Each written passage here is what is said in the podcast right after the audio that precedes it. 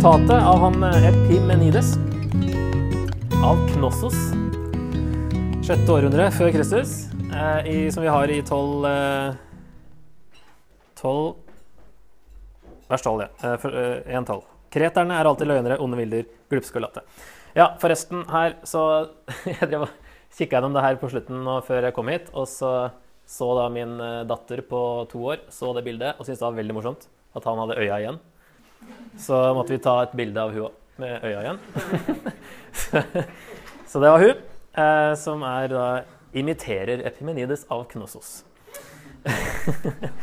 så OK. Jeg vet ikke hvorfor den har øya, men det er det bildet man finner man, på Google Images. så er det det der med øya igjen. Paulus kaller han jo for en profet. Jeg tror ikke han mener det, at det er en sånn uh, gammeltestamentlig profet, eller uh, nytestamentlig for den del. En av deres egne, en profet, har sagt kreterne er alltid løgnere, onde viljer, glupske og late. Hva er ironisk med det? Han er jo selv en kreter og sier at kretere ljuger alltid. og så sier Paulus dette vitnesbyrdet er sant. Da blir det enda morsommere. så det var som, sånn som flere filosofer, eh, eller logikere, drev og, og lekte seg med den påstanden da, med at eh, en kreter sa at alle kretere var løgnere. Men Peter, nei, Peter Paulus bruker det jo fordi eh, det beskriver veldig kulturen der, og hva som er problemet. Eh, og det ble, som da sagt i starten, ofte brukt om kretere på Paulus sin tid. Så siden dette er sant, så skal du vise dem strengt til rette, så de kan bli sunne i troen. Det er selvfølgelig en generalisering. Det gjelder jo ikke at alle absolutt var ljugepaver, alltid, og alle var onde vilder og glupske og late, men generelt. Og derfor er det et problem.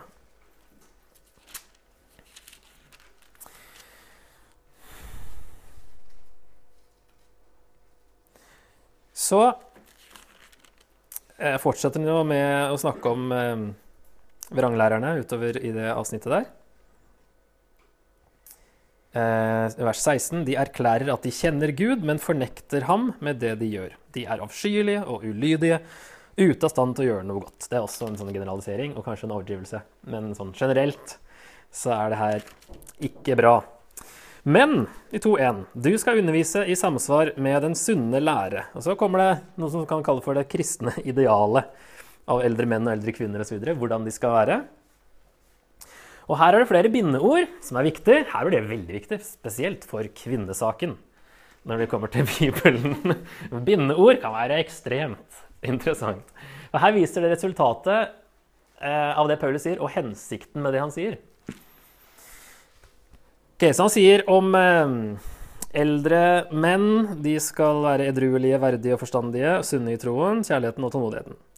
På samme måte skal eldre kvinner oppføre seg slik det sømmer seg for de hellige. De skal ikke fare med sladder eller være avhengig av mye vin, men være gode eksempler, så de kan lære de unge kvinnene å elske mann og barn, leve forstandig og rent, ta ansvar for hjemmet og underordne seg sine menn, slik at Guds ord ikke blir spottet.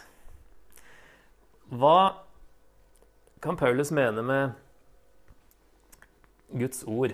At det ikke skal bli spottet hvis de unge kvinnene gjør dette her. Elsker mann og barn, lever forstandig og rent, tar ansvar for hjemmet og underordner seg sine menn. Hva er Guds ord? Hva tror du Paulus mente når han skrev Guds ord? Mente han hele Bibelen? Guds ord kan ha flere definisjoner. Vi tenker på hele Bibelen. Den var ikke ferdig skrevet når Paulus skrev dette her. Ofte så kan det være Gammeltestamentet som er Guds ord. Eller Skriftene, kanskje mer, men av og til så kaller, kaller han det også for Guds ord. Ellers er det Guds ord som kom til profetene. Men veldig mange ganger så er det faktisk evangeliet som er Guds ord for Paulus. Som det brukes i, mest i Nytestamentet. Vi kan se litt på hvordan det kanskje er blitt tydeligere at det er evangeliet eh, litt senere. Han går videre og snakker om eh, de unge menn. På samme måte skal du i vers 6 formane unge menn til å være forstandige i all sin ferd. Vær selv et forbilde i gode gjerninger. La undervisningen din være uforfalsket og båret fram med alvor. Og la forkynnelsen din være sunn og uangripelig. Så kommer en hensikt til, eller resultat, forhåpentligvis. Så Enhver motstander blir til skamme fordi han ikke har noe vondt å si om oss. Det er hensikten der med at Titus og de, unge, de andre unge menn skal eh, være forstandige i all sin ferd, og han skal undervise på denne måten. Så enhver motstander blir til skamme fordi han ikke har noe vondt å si om oss. Og så, slavene, skal du formane til å underordne seg herrene sine i alt. De skal rette seg etter dem og ikke si imot. Vi har Filemon i bakhodet fra forrige gang, så har vi litt mer eh, For å moderere dette her med. De skal ikke stikke, til, stikke, noe til seg, men alltid vise ekte troskap, så de i ett og alt kan være til pryd for Guds, vår frelsers lære. Her må jeg faktisk, eh, må jeg faktisk kritisere alle norske bibeloversettelser som av en eller annen grunn ikke har eh, det som f.eks. NIV har. Så de i ett og alt kan gjøre Gud, vår frelsers lære, attraktiv. Det er noe annet egentlig enn å være til pryd for Guds lære. Der de skal gjøre læren prydelig. Og hvis Paulus nå mener at det er det samme egentlig sagt tre eh, på tre forskjellige måter, så vil jo jeg lande på at det er evangeliet han mener med Guds ord. At evangeliet ikke skal bli spottet, ingen skal ha noe vondt å si om oss, vi som er kristne, og så de ett og alt kan gjøre evangeliet attraktivt med at de lever på den måten som Paulus beskriver her, som er i tråd med samfunnet den gangen. Det var forventa. F.eks. kvinnene. da. De skulle ta ansvar for hjemmet, og de skulle underordne seg sine menn. Begrunnelsen er så ikke evangeliet skal få dårlig rykte. Her argumenterer Paulus ut fra kultur, mener jeg i hvert fall, og ikke ut fra teologi når det gjelder underordning av kvinner. Det gjør han nok andre steder. Kanskje dessverre for noen. Men her så er det ut fra evangeliets rykte at kvinnene skulle oppføre seg som romerne forventa. Så ikke det ble sett på som en sånn opprørsk sekt som ikke ville få gjennomslag. Da. Slavene skulle oppføre seg sånn som slaver var forventa de gjorde det, for, for å gjøre evangeliet attraktivt. Så spørsmål hvis norsk, kristne norske kvinner i dag ikke tar ansvar for hjemmet og ikke underordner seg sine menn, vil det ha noe å si for evangeliets rykte? Eller vil like det? Skal vi ta 30 sekunder og snakke om det?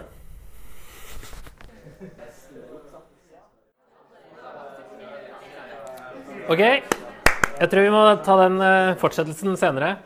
Men uh, det, er noe, det er ikke ment som et ledende spørsmål. Det er helt åpent. Det er jo selvfølgelig litt verre om de er helt uansvarlige for sitt eget hjem, da. Men det her er mest sånn at her er kvinnen hjemme, ikke sant? Og eh, for oss er det jo samme for oss hvem som jobber eh, mest. Pappaperm osv. Eh, men altså, underordning Paulus snakker jo i Efeserne 5 så tar han jo, da har han en teologisk argument for at kvinnene skal underordne seg sine menn. Det er fordi mannen får Kristus-rollen dama får menighetsrollen, og at ekteskapet skal være et bilde på Kristus og menigheten. Den relasjonen der. Eh, men han sier jo ikke hva det vil si å underordne seg. For han var det innlysende hva det ville si i den kulturen.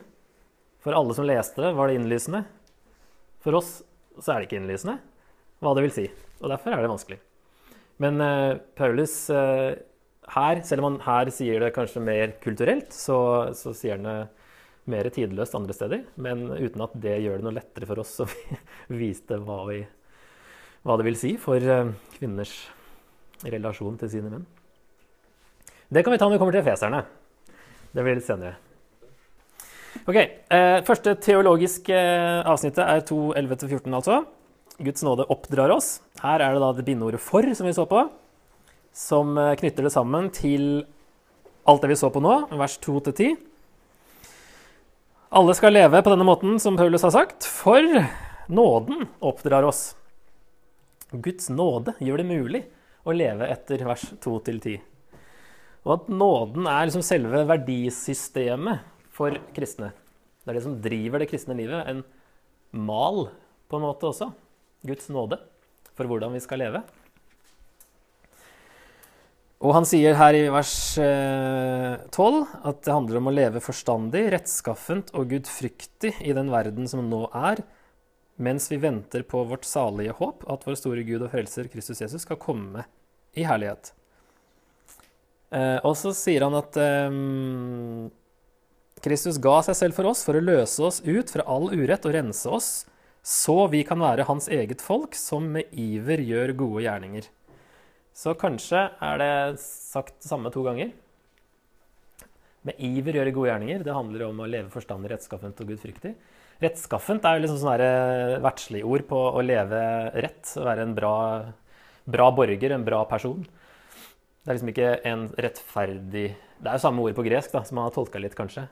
Der det står 'rettskaffent', så er det mer sånn generelt. Mens eh, 'rettferdiggjort' er liksom den teologiske varianten.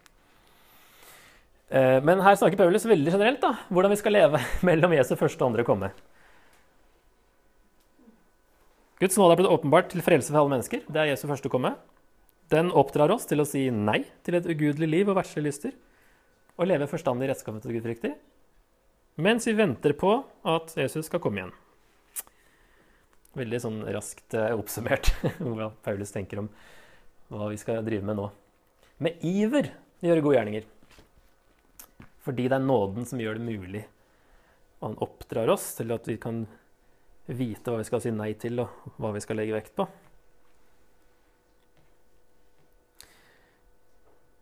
Uh, et gjentatt ord, som også går igjen, som vi kan ta her, da.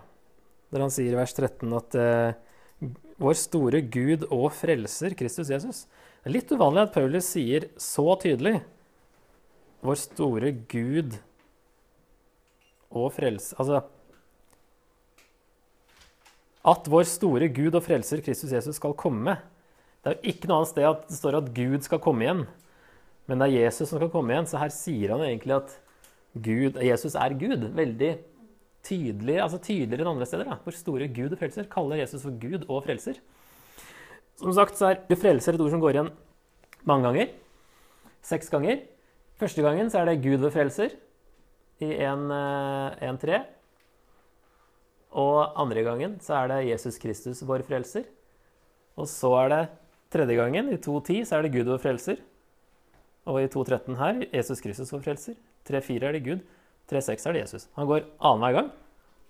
Sier Gud vår frelser og Jesus vår frelser.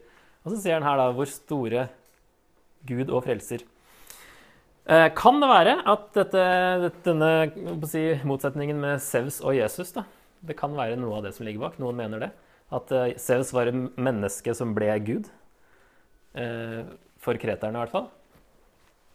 Mens Jesus er Gud som ble menneske. Og at han understreker kanskje her at Jesus er Gud.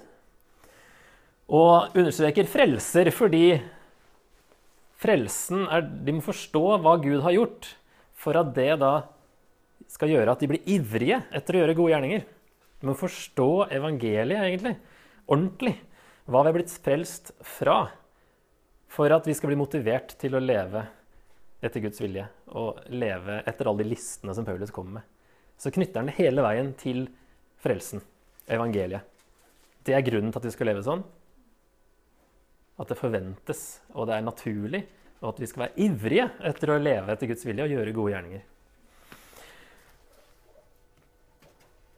Den andre teologiske biten, 3-7, der ramser han opp eh, først hvordan vi selv var en gang. Vi var uforstandige og ulydige For vill og var slaver av alle slags begjær og lyster. Levde i ondskap og misunnelse. Ble hatet og hatet hverandre. Det er ofte sånn generalisering og kanskje litt overdrivelse når Paulus kommer med sånne lister over hvordan hedningen lever og hvordan vi levde og sånt.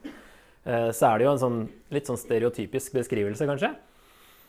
Jeg vet ikke om eh, at vi levde i ondskap, om det gjelder liksom alle, alle som ikke tror på Jesus. Men Paulus, eh, for han så var det i hvert fall naturlig å si det på den måten. Og det ble hatet og hatet hverandre.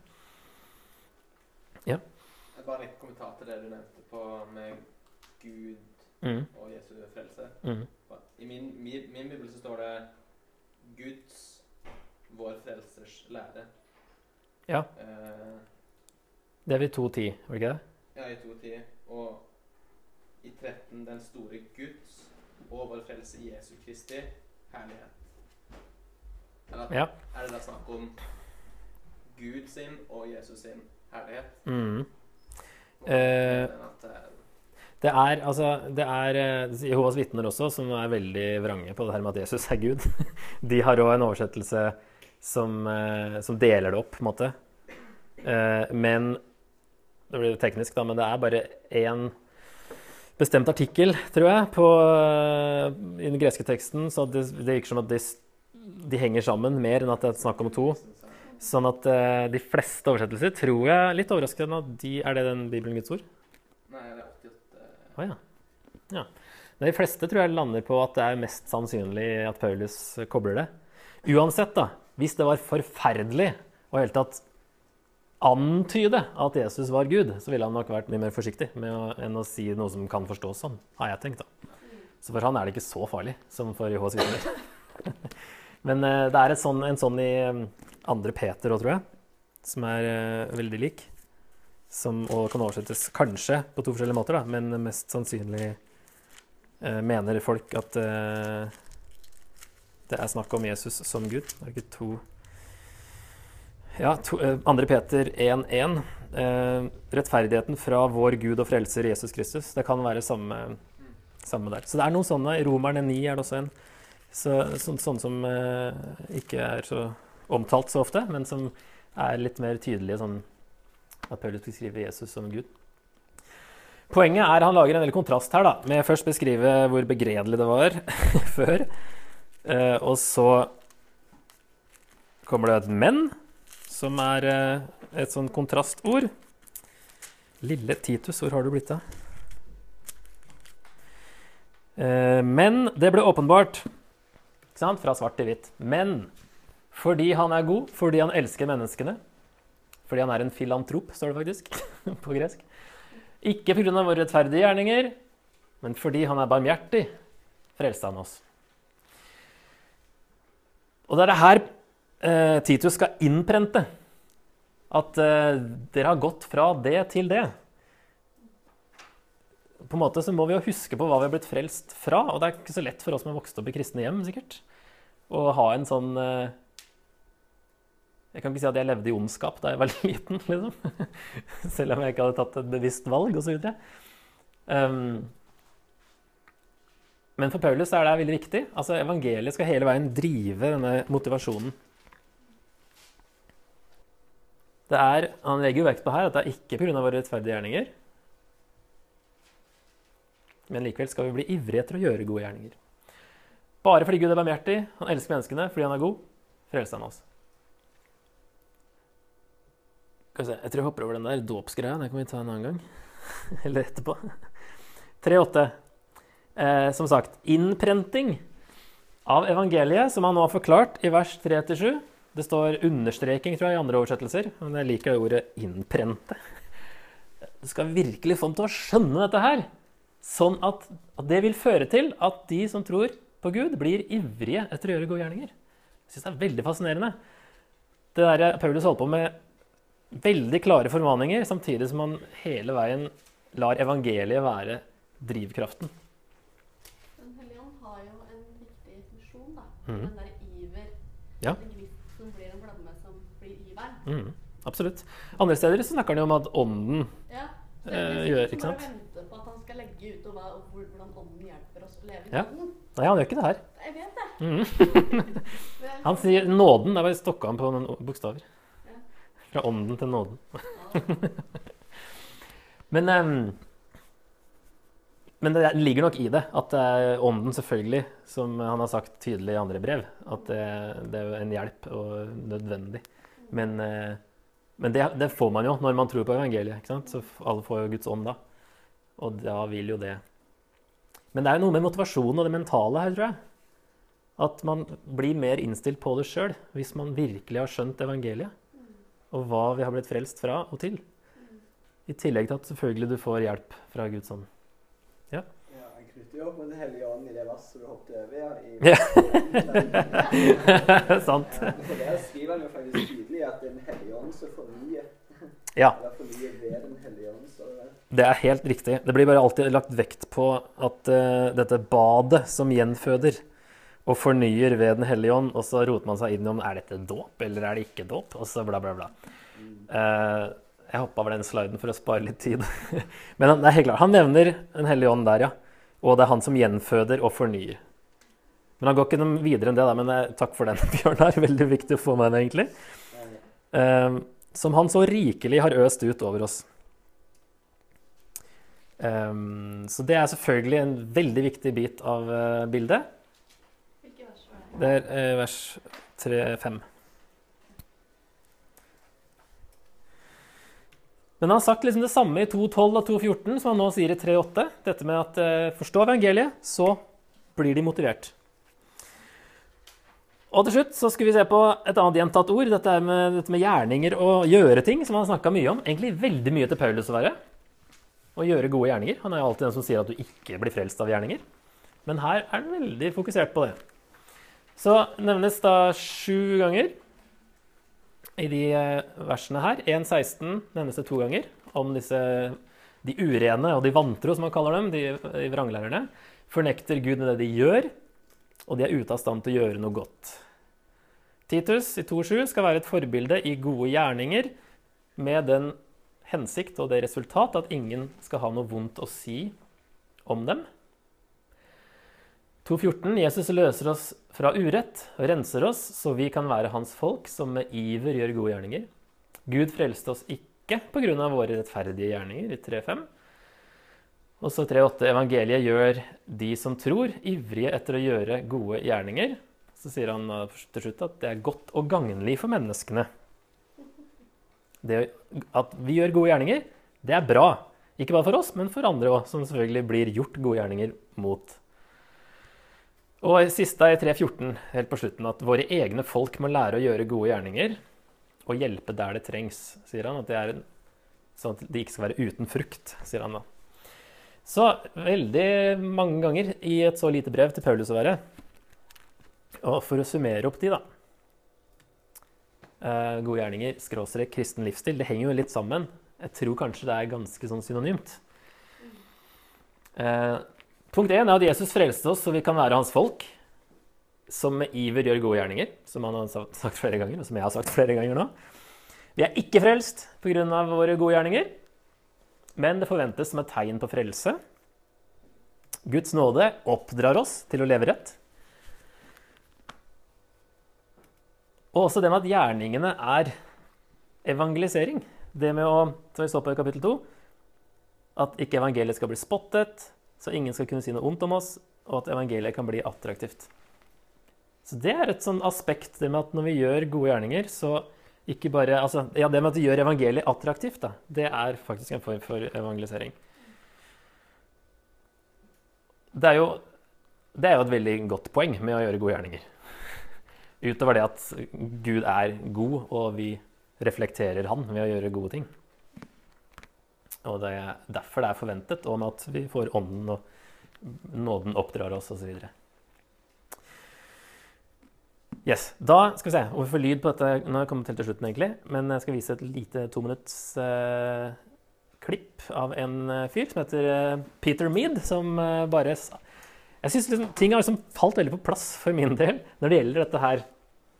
Um, dette med at Det Paulus legger opp her med at evangeliet er liksom drivkraften. Um, du kan se det klippet her som jeg så for noen dager siden første gang. At the end of a sermon, people will either be thinking about themselves or they'll be thinking about God. That's basically the options. And so there's a lot of different ways to preach, a lot of different approaches, a lot of different schools of thought. But essentially, that's a very important question. Am I pointing people to themselves or am I pointing people to God, to Christ, to the, uh, the revelation of Him in what we've been looking at? And so I think one of the main ways that we do that is when we turn the text, whether it's implicitly going this way anyway, whether the text is instructional in nature or whether it's not instruction, we tend to turn everything into instruction. And that's, that's fine. It's, it's okay. There's a place for instruction. But the problem with that is that we can preach to people and leave them ultimately thinking about what they must do. And even where we've spent the whole sermon proclaiming Christ and celebrating what God's done, it's so tempting right at the end to just switch back to application. And so let's make sure we remember this. And people go, I must remember this, I must remember. Every, every uh, sermon can so easily fall into the trap of turning the gaze back onto the listener. But I think the best sermons are sermons where people go away amazed by God, where they go away thinking about Him. And interestingly, those are the most effective sermons too. Those are the sermons that result in life change. Uh, they result in greater morality, greater holiness, a greater service for God. And so it's a good question to keep in mind when you're preparing the sermon and when you're preaching it. Is this pointing people ultimately to themselves or am I pointing them to God, to Christ? That's the best way to do it.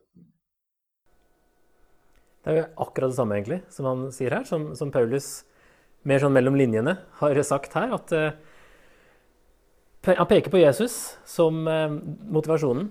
Og det er veldig interessant det han sier. da, Jeg vet ikke om han har gjort noen undersøkelse av det, men altså det at uh, det er de, mest effektive, eller effektfulle, talene er de som faktisk peker på Jesus, og ikke peker på hva vi må endre i våre liv, men at den endringen kommer når vi ser Jesus, når Jesus blir stor. Uh, så det Jeg synes da, jeg liksom lurer på om Gud skal fortelle meg noe når det liksom kommer så mange ganger. Jeg ser det i Titus. Han, uh, han, jeg så det klippet her for noen dager siden. Og på øh, onsdag så var flere av oss sikkert på sånn ledersamling i Salem. der Jan Even, pastor, skulle bare åpne med en sånn typisk pastoråpning. Åpne med et ord. Og så snakker han bare om Jesus. Her, liksom, her, skal vi liksom spisse plogen, som vi snakka om. sant? Hva skal vi fokusere på fremover? Og så kommer Jan Even og snakker bare om Jesus. Og det var sånn der Ok, her har vi enda, et, enda en gang det her poenget kommer opp. Vi må se Jesus for, at, for å skal få til å gjøre alt det andre. Altså Jesus, det, er sånn, det er back to basic. Det er så innmari basic. Det at Jesus er viktigst. Men jeg tror virkelig at um, han er hele veien nøkkelen til alt. Uh, selv når det gjelder det her å eh, leve rett, og alle de konkrete listene her knyttes hele veien opp til uh, Jesus og hva han har gjort, og evangeliet, og at vi er frelst. Fascinerende. Titus, altså. OK. Uh, da har jeg fire spørsmål til slutt her, som vi kanskje rekker før ni. Det tror jeg kanskje vi gjør. Ja, Først er ikke spørsmål. Hvis kreterne kunne forandres, så er det håp for oss også. De var jo mye verre i utgangspunktet. Uh, fokuserer vi like mye på Jesus og evangeliet i disippelgjøring og rettledning som det Paulus gjør? Og er vi samtidig like klare i formaningene som han er? Jeg syns vi er litt for puslete i formaningene av og til, men likevel legger vekta der og ikke på Jesus. Hvis vi sliter med å leve rett, kanskje er det vi trenger en dypere forståelse av evangeliet og hva Jesus har reddet oss fra, framfor bud og regler. Og fire, hva er ryktet til kristne i vår kultur? Hva slags gode gjerninger kan vi gjøre, slik at evangeliet blir mer attraktivt? Så blir det litt opp til oss alle da, å ta det videre herfra. Det her, liksom, her blir det, det slutter kjempesvært, og så må vi liksom ta det ned og inn i livene. Men vi kan begynne med seks og et halvt minutt uh, og snakke om det. Og så kan vi fortsette mens vi spiser.